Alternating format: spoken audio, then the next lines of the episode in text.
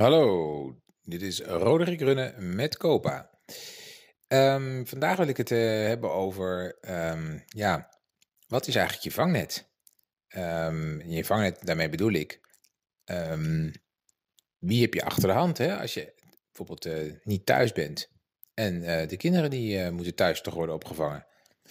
Ik moet zeggen dat met name door corona natuurlijk dat best wel een dingetje is geworden. Ik weet niet hoe het voor iedereen is die dit hoort, maar ik, uh, ik vond het wel een uitdaging. Het thuiswerken was trouwens natuurlijk best wel. Uh, ja, dat, dat was soms. Uh, hielp ook wel omdat je dan flexibel was. Maar als je kinderen dan thuis waren, dan kon je natuurlijk ook eigenlijk niet werken. Dus dat was sowieso natuurlijk niet makkelijk. Maar wat ik echt een verschrikkelijke uitdaging vond, is dat je, als je ergens voor je werk naartoe moest en je was ergens anders, en dat er dan vanuit school of vanuit de BSO werd gezegd: ja, je kinderen moeten thuis blijven, dus regel maar wat. Nou, ik, eh, ik zat dan echt gewoon met mijn handen in het haar. En eh, ik weet niet eh, of dat voor iedereen hetzelfde is, maar ik, ik dacht echt bij mezelf, hier moet je eigenlijk iets voor bedenken. Dus, nou, ik heb natuurlijk van alles geprobeerd. Dus een oppasservice uiteindelijk benaderd en gevraagd van ja, is er ook een service die kan zorgen dat je een soort, nou ja, oh, ad hoc ook oppas kunt regelen. Nou, daar, daar zijn wel wat organisaties die zoiets dergelijks bieden, maar ja, als puntje paard komt, eh, dan is het toch heel vaak eh, niet mogelijk. En dat is, nooit een harde garantie dat het kan. Um, nou ja, en ik moet zeggen dat ik, als ik, ik heel blij ben dat ik uiteindelijk uh, toch nog af en toe ook op mijn ex kon leunen. Want dat onze relatie goed is, dat komt dan natuurlijk toch wel goed nu van pas.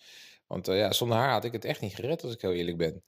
Maar goed, um, het is wel iets om, uh, ja, ik, ik, ik, ik dacht al een systeem in Nederland. Hè, uh, als ik er eens over nadenk, het is best wel kwetsbaar. Dat als uh, school zegt, nou je kind maar thuis en je kan als ouder dat niet regelen, dan is er heel weinig opeens wat je kunt doen. Maar goed, over oppassen gesproken trouwens. Ik, het heeft mij ook wel even geduurd voordat ik ook echt dacht van, ja, ik, ik laat nu een oppas op de kinderen passen s'avonds en ik ga de deur uit. maar goed, inmiddels doe ik dat wel eens, ook niet zo vaak hoor, als ik eerlijk ben. Want ja, als je co-ouderschap hebt en je hebt de kinderen, dan denk je ook al vaak van ja, maar nu heb ik ze, dus nu ga ik niet ook nog een keer weg. Maar goed, soms uh, ja, is, komt het natuurlijk zo met een verjaardag of, eh, of, eh, of, of, soms kan het niet anders.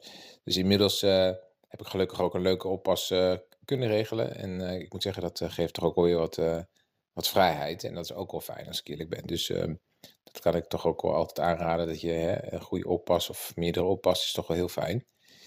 Maar uh, de kwetsbaarheid die je natuurlijk hebt, uh, en uh, als je niet ook allerlei familie hebt, en in mijn geval heb ik dat niet in de buurt, dan dat, dat, dat is toch wel confronterend.